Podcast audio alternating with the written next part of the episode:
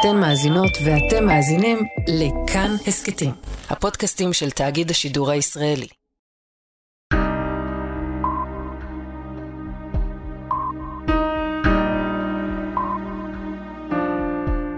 שלום, אתם מאזינים לעוד יום, הסכת האקטואליה של כאן, אני יואב קרקובסקי.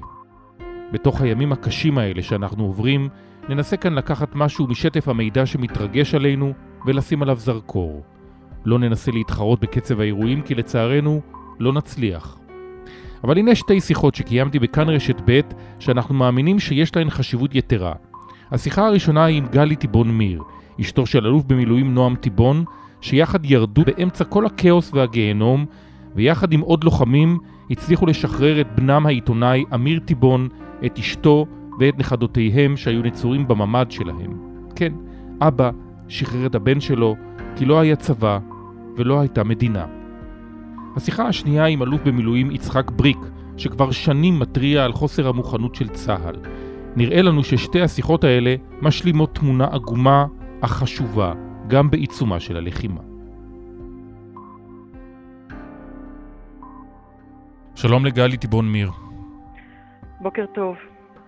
מה שלומכם? Uh, הבוקר הרבה יותר טוב, אם כי נכדתי גליה, בת השלוש, התעוררה לא מזמן, אחרי uh, לילה בביתנו, ושאלה אם מותר לצאת מהחדר. ואחרי יום קודם, שעשר שעות הם היו נצורים בממ"ד, בחושך. בואי נחזור רגע uh, 30 שעות לאחור. אתם, uh, מתי אתם מבינים, את ובן זוגך, נועם טיבון, האלוף במילואים, שהבן, אמיר, כלתו והילדים נצורים בקיבוצם נחל עוז? אמ, אנחנו שחינו בים, חמש לפנות בוקר, בעלי מרים את הראש, אומר לי, יש המון מטוסים בשמיים, משהו קורה. שבע אזעקה, אנחנו ממהרים לאוטו ואנחנו רואים הודעה מאמיר. זה חדירה, והמחבלים אצלם בשכונה. וואו. באותו רגע אנחנו מחליטים שאנחנו נוסעים לשם.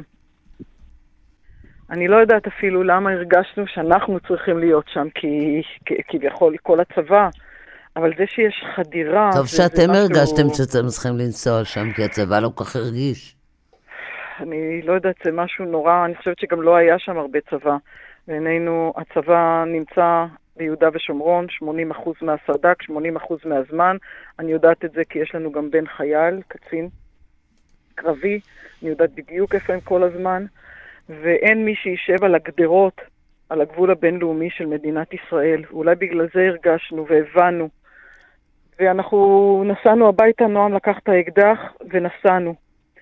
את המחסום הראשון היה ליד שדרות, ואז ביקשו מאיתנו לקחת איתנו אחורה שני פליטים ממסיבת הטבע.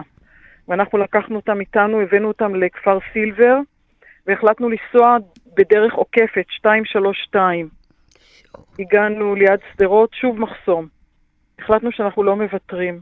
אני לא הייתי מוכנה לוותר בשום אופן. נסענו דרך השדות, הקפנו והגענו לצומת של שדרות שמובילה למפלסים ונחל עוז. ושם עצרו אותנו, ובשום אופן לא הסכימו לתת לנו להתקדם. אנחנו חשבנו שאנחנו פשוט נשכנע אותם לשלוח כוח לנחל עוז. Mm-hmm. אני, אני לא יכולה לתאר לכם כמה התחננתי, כמה ביקשתי, כמה בכיתי, כמה צעקתי, ושום דבר לא, לא עזר. אני, אני לא הצלחתי לשכנע אותם שאנחנו, ש, שייתנו לנו פשוט לעבור, או ש, שישלחו כוח. ואז בעלי נועם אומר, אני אנסה לחבור לאחד הכוחות שנכנסים ואני אסע איתו. ואף אחד לא היה מוכן לקחת אותו, הוא רצה להראות להם איפה הבית שנמצאים בו המחבלים, כלומר, הבית של הבן שלנו.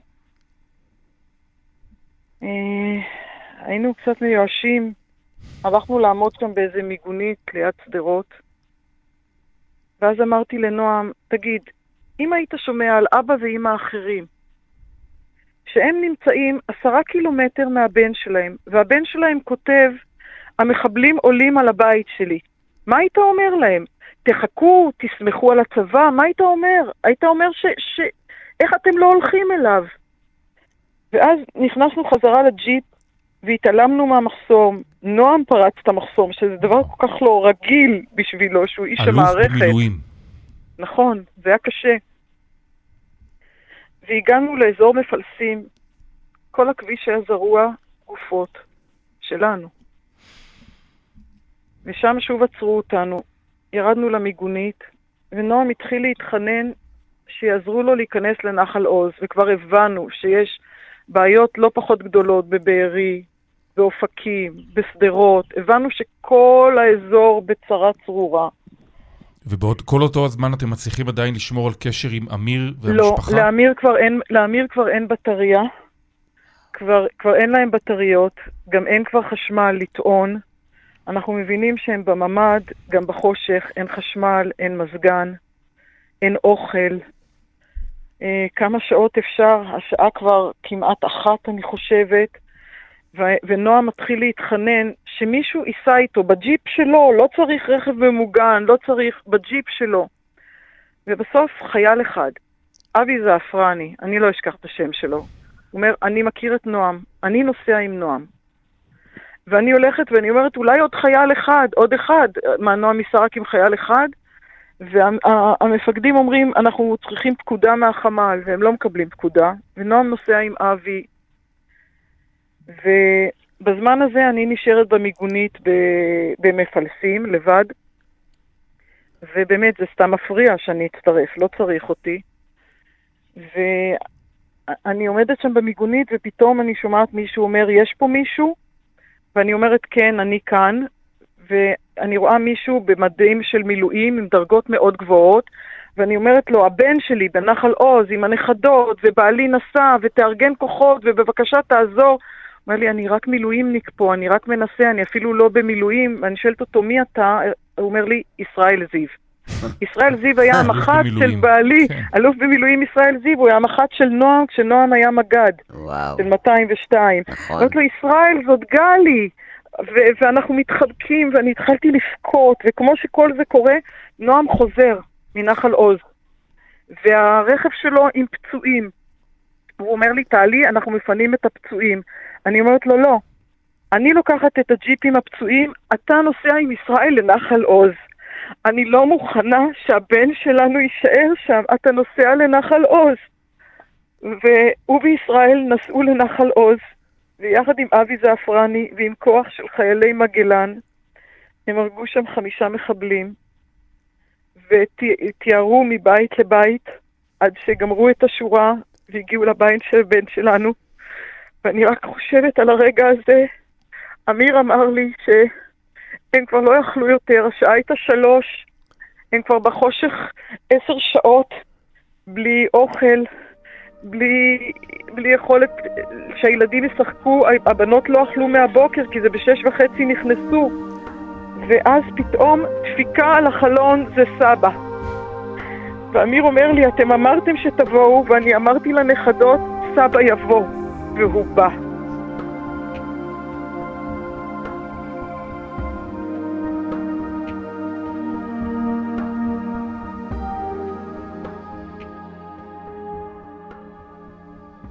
זה מה שהיה. וואו. פשוט סיפור שכאילו כתבת ספר הרגע, וקראת כן. לנו ספר, מתוך איזושהי... רק זה נגיד לא. שאחד הספרים של גלי זה רשימת האימהות, היא באמת כותבת נפלא. וזה הולך אותנו ל-85 שנה לאחור, אבל פה זה סיפור מלפני 30 אתה שעות. יודע, הטרמינולוגיה, חלילה, אסור להשוות, אבל כל הטרמינולוגיה של ילדים מתחבאים בארונות, כל האירועים, בתעלות. צריכים להיות בשקט, צריכים להיות שקט. בשקט. מה אתם חושבים שלא עבר לי בראש רשימת האימהות? וגם הדס בקצה הלילה, שזה הספר על מלחמת העצמאות. נכון. הרי חזרנו ל-48, ש- נכון. שהעורף הוא החזית, וכובשים יישובים. ואיפה היה דבר כזה? אפילו אז, אה, בניצנים, מבצע תינוק, פינו את האימהות והילדים, פה נכון. לא היה זמן. זה מצב שלא היה כדוגמתו במדינת כש- ישראל. כשאתם, כשהם מגיעים, מה, מה הם מספרים? מה הגיעו אליהם, ניסו להגיע אה. אליהם הם- המחבלים? תשמעי, כל, כל הבוקר הזה שהם נמצאים שם, כל הצהריים, הם כל הזמן שומעים את המחבלים על המרפסת שלהם, ואנשים נהרגו על המרפסת שלהם בקרב, וכל הסלון שלהם מלא ביריות, והם בתוך הממ"ד, והמכוניות ירויות. והם מבינים שזה מגיע אליהם, שזה קרוב אליהם, וכמה זמן הם עוד יחזיקו מעמד, וכמה זמן עוד ילדה בת שנה וחצי וילדה וואו. בת שלוש וחצי יכולות לשתוק. שתי, כמה? שתי ילדות. אה, נועם טיבון, אלוף במילואים, אביו של אמיר. שראה דבר או שניים. שראה דבר או שניים. אמיר הוא היה כתב צבאי והיום כתב מדיני בעיתון הארץ. זאת אומרת, זה מלב העשייה שמכירה את הנעשה בזירות האלה, וזה כאילו סיפור מטלטל, גלי, אני חושב ש... תגידי, אה, החברים שלהם... אה, תראי, יש כל מיני דברים, אה, כמובן, שמוודאים. חברים, נחל עוז אתמול התפנו בלילה אחרי שהשתלטו על, הקיבוץ. אנשי נחל עוז התפנו אתמול למשמר הנגב, ומשם הלאה. כן. והפצועים? אבל יש גם דברים קשים, יש גם דברים מאוד מאוד קשים. איך אמר יונצ'ו? אה, מוותיקי אה, נחל עוז, הרי הם תמיד נשארים, גם כשיש אה, כן, טילים, נכון. גם כשיש פצמ"רים, הם תמיד נשארים. הפעם הם התפנו, לא היה כדבר הזה. גלי טיבון מיר. זה באמת קיבוץ של גיבורים. סבא וסבתא גיבורים שבאו להציל את המשפחה. ממש. סבא וסבתא, זכינו שהצלחנו, כן. שבעלי הצליח. נכון, שניכם. גלי, תודה רבה. תודה לכם.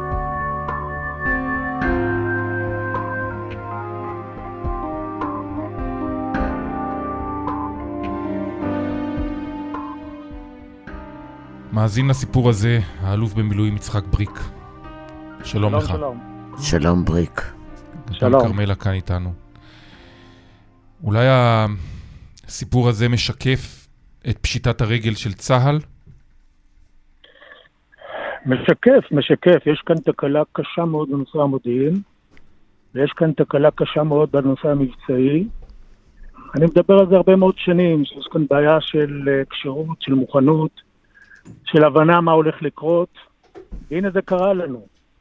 הנקודה היא שאנחנו עכשיו עוסקים בעזה, אני רוצה לציין שצריך לתכנן באופן שקול ולצאת מתוך הנחה שפעולה צבאית בעזה עלולה לדרדר אותנו למלחמה אזורית כוללת בחמש זירות, ולזה בעצם צריך להתכונן. כולנו עוסקים במבצע בעזה, אבל לא מבינים שהמלחמה הרב-זירתית היא איום במאות אחוזים יותר חמור. ואנחנו רגע אחד מהאירוע הזה, אנחנו ראינו הבוקר כבר את הבדיקת ההיתכנות שעושה חיזבאללה בהר דוב, ואין ספק שאנחנו אה, מאוד מאוד קרובים לנקודה שבה נאותגר גם מצפון, ואולי גם אה, ביהודה ושומרון. קודם כל, מלחמה רב-אזורית זה לא רק חיזבאללה, גם יהודה ושומרון תהיה תפיסה של עשרות אלפים שירוצו בין הבתים של היהודים וינסו לפגוע. תהיה תפיסה של ערבי ארץ ישראל הקיצוניים בתוך מדינת ישראל וירוצו אלפים לתוך היישובים, הערים, וינסו לפגוע. זה יהיה לווה באלפי טילים מדי יום על מדינת ישראל.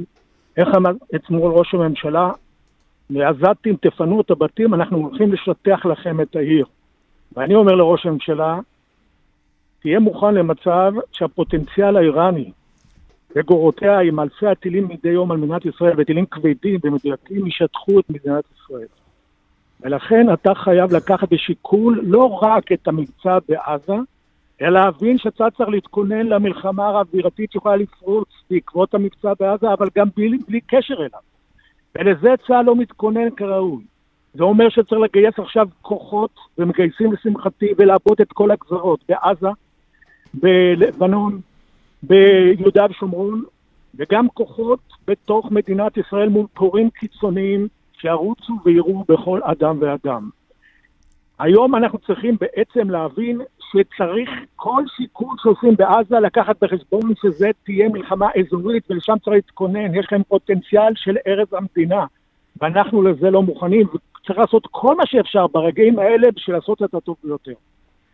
איך בעצם אה, צה"ל צריך להיערך אה, כאשר אנחנו ראינו למעשה אה, העברת גדודים וגם אוגדות למעשה לכוננות ביהודה ושומרון, מה שחשף את זירת עזה כמעט לחלוטין. תראה, אחת הבעיות המרכזיות של צה"ל במשך 20 שנה קיצץ את צבא היבשה הדק. כך שהיום בגודל שאיננו מסוגל לתת תשובות במספר זירות במקביל. מה שקרה במה שאתמול, זה שאנחנו מרוכזים עם כל הסדר שלנו ביהודה ושומרון, כמעט, עם 20 או 30 גדודי מילואים, ולא היה רזרבה לשלוח ליישובים בעוטף עזה. שעות עד שהגיע הכוח הראשון, משום שהיינו צריכים לפנות את הגדודים או חלקם מתוך יהודה ושומרון, היינו צריכים לגייס מילואים, הקטנו את הצבא שהיום כשיש לנו יותר מזירה וחצי, אין לנו שום תשובות. מדינת ישראל לא הכינה את עצמה לעניין הזה. זה ההסבר למה שקראנו אתמול. שעות מחכים למישהו שיגיע ליישובים ויתחיל לעבוד שם. וההתבססות היא בעיקר הרבה מאוד על פעילות חיל אוויר, שגם היא התעכבה מאוד משום מה, שעות של ירי, ולמעשה אין ניסיון לפגוע אפילו במשגרים תוך כדי אה, הירי המסיבי שהיה משש וחצי בבוקר עד אה, שעות הצהריים, ללא הפסקה. אחת הטרגדיות שאני עוד לא יכול להבין אותה, קודם כל זה היה כשל מודיעיני שהתברר אולי אחרי זה מה קרה, אבל מעבר לזה, ונניח שהיה כשל מודיעיני, ואתה רואה היום שדרות שמתחילות לרוץ עם טרקטורים לעבר, עם פצצות לעבר הגדר. איפה התצפיתניות היו? איך הם, לא, הרי הם מזהות חייל בודד בלילה, איך הם לא ראו את זה? איך יכול להיות שהם חוזרים וחיל האוויר לא פועל? איך יכול להיות שהם כובשים לנו את המפקדה של אוגדת עזה, הורגים שם כמעט גדוד שלם, הורגים תצפיתניות, ואני לא יודע מה עם מפקד האוגדה, איפה נמצא עכשיו. אנחנו בעצם נכשלנו בצורה המבצעית הקשה ביותר. אנחנו רואים טנק שלהם, שלנו, נשרף על ידי חמאס שמעלים דגלים. איפה היה הצוות? איפה היו הלוחמים? מה פה קרה? זאת אומרת, כשאתה בודק את איך שפעל הצבא, אתה מבין שיש כאן בעיות אקוטיות, אני מדבר עליהן שנים, שצריך לטפל בהם באופן מיידי, אבל לקחת בחשבון זה לא רק עזה. שאם תפרוץ מלחמה אזורית כוללת, ויש סיכון מאוד גדול בעקבות מה שיעשה בעזה, ואם לא אחרי זה, אז יכול להיות יותר מאוחר, ובסוף יקרה ל-3,500 טילים ורקדות מדי ים, מדי יום. אתה... על מרכזי אוכלוסייה, על מים, על חשמל, על נושא של תשתיות תחבורה וכלכלה, על סמלי שלטון, מטרות אסטרטגיות, בסיסי חיל האוויר וה... והים והיבשה. לא מוכנים לזה. היום צריך לעשות את המינון הכרחי שנהיה מוכנים למלחמה הזאת. ואז זה טיפה בים לעומת מה שיקרה אם המלחמה הזאת תפרוץ. כרמלה, שנים אה, האלוף בריק מזהיר, היה מבקר מערכת הביטחון, אה, ו... אה, קאטו הזקן, אני קוראת לו. ואיפה, מה נעשה עם דוחות הביקורת המאוד מאוד חריפים של בריק? בריק, אני יודעת, היה אצל ראש הממשלה, היה אצל הרמטכ"ל הקודם, היה אצל הרמטכ"ל הזה, היה אצל ראשי אמ"ן, היה אצל אלופים בצה"ל, שחק את עצמו, דיבר, התראיין. הם מתייחסים אליו ברצינות, בכל זאת מדובר בגיבור ישראל, קיבל צל"ש או שניים. עיטור העוז. עיטור העוז, זה בדמו, זה בנשמתו. הוא כותב וכותב, ואני מלווה אותו כבר שנים, והוא מלווה, והוא פנה לראש הממשלה, גם יש, אצל כולם הוא היה. זה, הוא מדבר על הדברים האלה כבר שנים, על המשמעת, על תרבות ארגונית, על... מה, מה התשובות שאתה קיבלת מהרמטכ"ל, מהרמטכ"לים השונים שישבת איתם, מראש הממשלה בנימין נתניהו? לא, עם ראש הממשלה ישבתי בקדנציה הקודמת שלו. מה זה משנה? זה אותו ראש ממשלה. לא משנה, עם בנט ישבתי בזמן של ראש הממשלה. ישבתי עם המועצה לביטחון לאומי, עם כולם. ישבתי עם uh, היושב ראש ועדת חוץ וביטחון וחלק מהחברי הכנסת והשרים של הקבינט. ישבתי לאחרונה עם גלנט והצגתי לו עם ראשי צוותים שהקמתי חשיבה, חמישה צוותי מומחים בתחום ביטחון לאומי, לגלנט שישב שם סגן הרמטכ"ל, אלוף ועוד תתי אלופים, על מהם הבעיות המרכזיות, אבל מהם הפתרונות. גלנט קיבל את כל הדוח שלנו, אימץ אותו, והחליט לעשות עבודת מטה.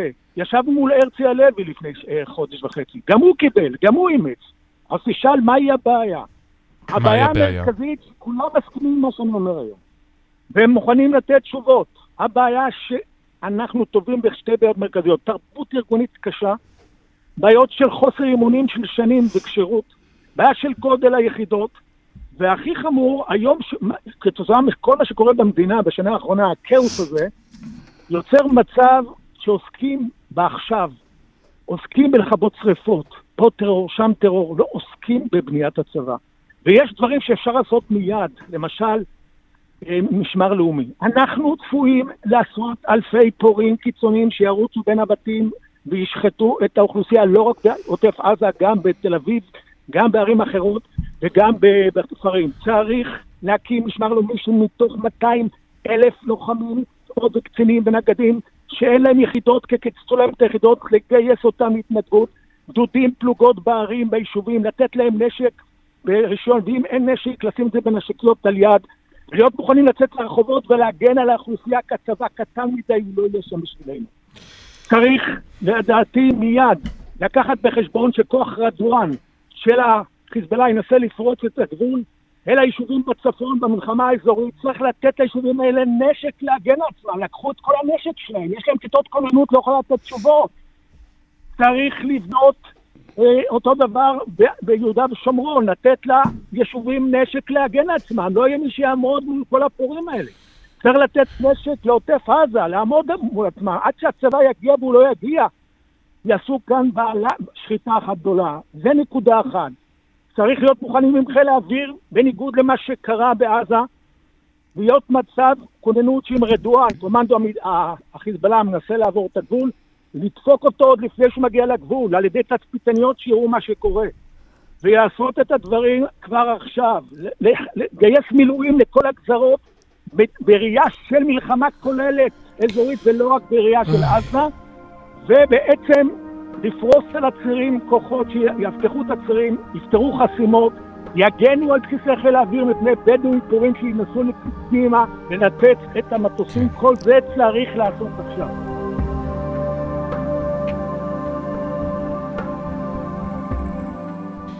האלוף אה, במילואים, יצחק בריק, תודה רבה לך. תודה גם לכם.